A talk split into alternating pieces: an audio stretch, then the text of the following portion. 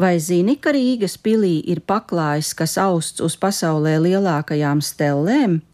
kā visautentiskākais 20. gadsimta 20. gadu lietišķās mākslas darbs Rīgas pilī saglabājies interjērs telpai, kuru pazīstam kā sūtņu akreditācijas zāli ar Latvijas un pasaules kontekstā unikālu latvisko interjeru, kurā etnogrāfiski motīvi ir stilizēti tolaik aktuālajā ārdeko stilā, zāle iekļauta Latvijas kultūras kanonā. Zāles tapšanas ceļš bija ilgs, pretrunu un šķēršļu pilns, nebija vienprātības arī par to, kā izpaudīsies latviskais stils. 1923. gada pavasarī pirmais Latvijas valsts prezidents Jānis Čakste izteica vēlmi ierīkot pilī, kur notiek ārzemju sūtņu oficiālā pieņemšana, vismaz vienu telpu šim nolūkam latviskā gaumē ar attiecīgu arhitektūru, mākslas priekšmetiem un latviskā stila mēbelēm, latvisku telpu līdz pēdējai konsekvencei. Šim nolūkam izvēlējās telpu, kura pirms Pirmā pasaules kara bija cara lielā viesistaba pils trešajā stāvā. Telpas interjera izstrādāšanai izsludināja konkursu un izveidoja konkursa komisiju, kura par atbilstošāko atzina latviešu lietišķās mākslas meistara Anša Cīruļa interjera priekšlikumu atzimšana. Mākslinieks izstrādāja dizainu visai telpai, griestu un sienu gleznojumiem, mēbelēm un tekstīlijām, aizkariem, paklājam, mēbeļu audumiem un pārvalkiem, kā arī gaismekļiem. Sūtņu akreditācijas zāles interjers bija Anša Cīruļa pirmais lielais interjera ansamblis. Projekta īstenošana paša Cīruļa uzraudzībā sākās tikai 1926. gadā, un darbos iesaistījās labākie Latvijas amatnieki.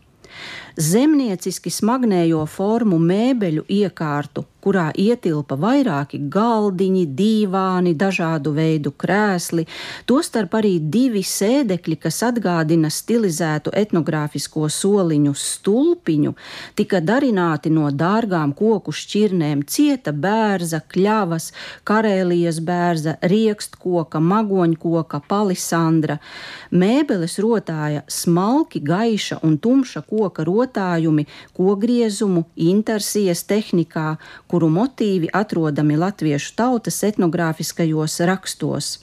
Līdz Mūsdienām lielākā daļa vēsturisko mēbeļu ir saglabājušās, veikta to restaurācija, atsevišķām mēbelēm izgatavotas kopijas.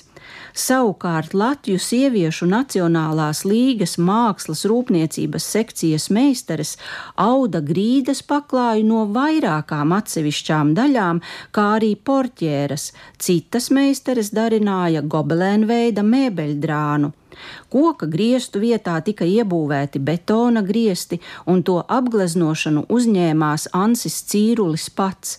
Griestu centrālā kvadrāta stūros gleznojot senlatviešu dievus Māru, Laimu, Jāni un Pērkonu.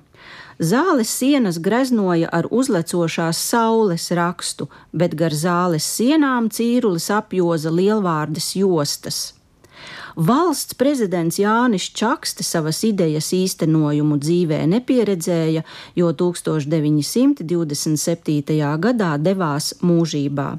Padomju laikā sūtņu akreditācijas zālē pazuda lielais paklājs, tekstīlijas, uz sienām tika aizkrāsotas latviskās saules, griestos pērkona dieva ugunskrusti aizkrāsoti ar rūtiņu rakstu un tikai 1996. gada novembrī, kad radās nepieciešamība no zāles sienas noņemt pēkšņi ieplīsušo lielo spoguli, atklājās oriģinālās Anša Cīruļa gleznotās uzlecošās saules un zaļais sienas krāsas tonis.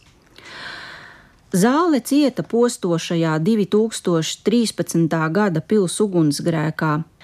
Uguns liesmas gan līdz sūtņu zālē nenonāca, bet zāli pamatīgi salēja un griestu gleznojumu krāsa samirka. Pēc ugunsgrēka restaurācijas meistari un lietišķās mākslas eksperti veikuši unikālu darbu, pilnībā atjaunojot zāles autentisko interjeru. Pēc melnbaltas Anša Cīruļa oriģināla darba fotografijas ir atjaunots lielais zāles paklājs. To izgatavoja vācu dizainera Jana Kata vadītā komanda Nepālā.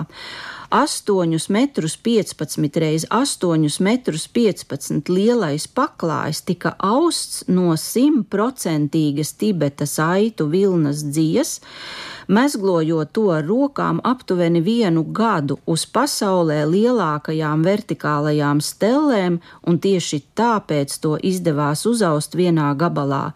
Raksti un toņu gamma rekonstruēti pētot muzejos pieejamos cīruļa paklājus un konsultējoties ar lietišķās mākslas speciālistiem. Līdz mūsdienām saglabātais un atjaunotais zāles interjera ansamblis joprojām kalpo savam sākotnējam mērķim, latviskuma reprezentācijai, un tā ir unikāla parādība Latvijas kultūrā un mākslā.